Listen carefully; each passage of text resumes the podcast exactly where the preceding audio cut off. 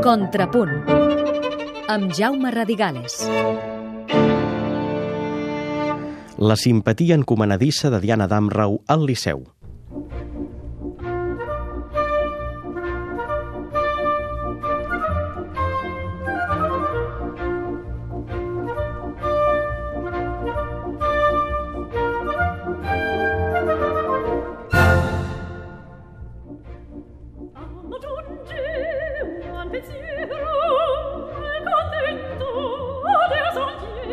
Simpàtica, extravertida, comunicativa, presumida, natural, espontània...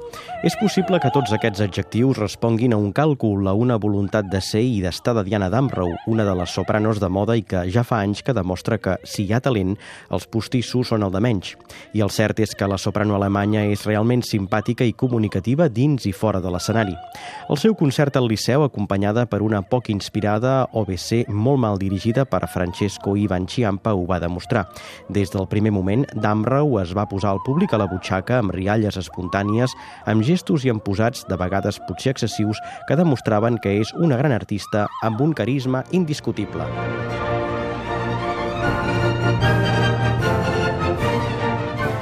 L'acompanyava a l'escenari el seu marit, el baix baríton Nicolat Esté, de bona tècnica, però lleument apagat i poc cavernós en parts que demanen més rotunditat en els greus, especialment el Basilio de la calúmnia del barber de Sevilla Rossinià o el Mefistòfil del Faust de Gunó.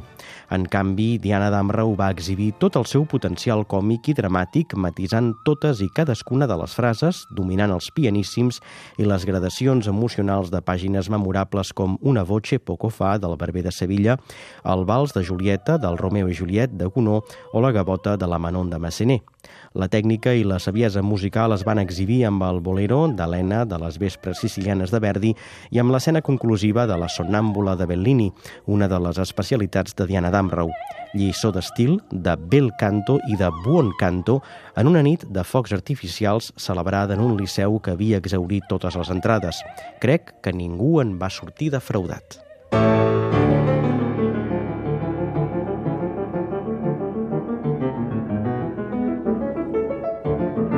Contrapunt amb Jaume Radigales.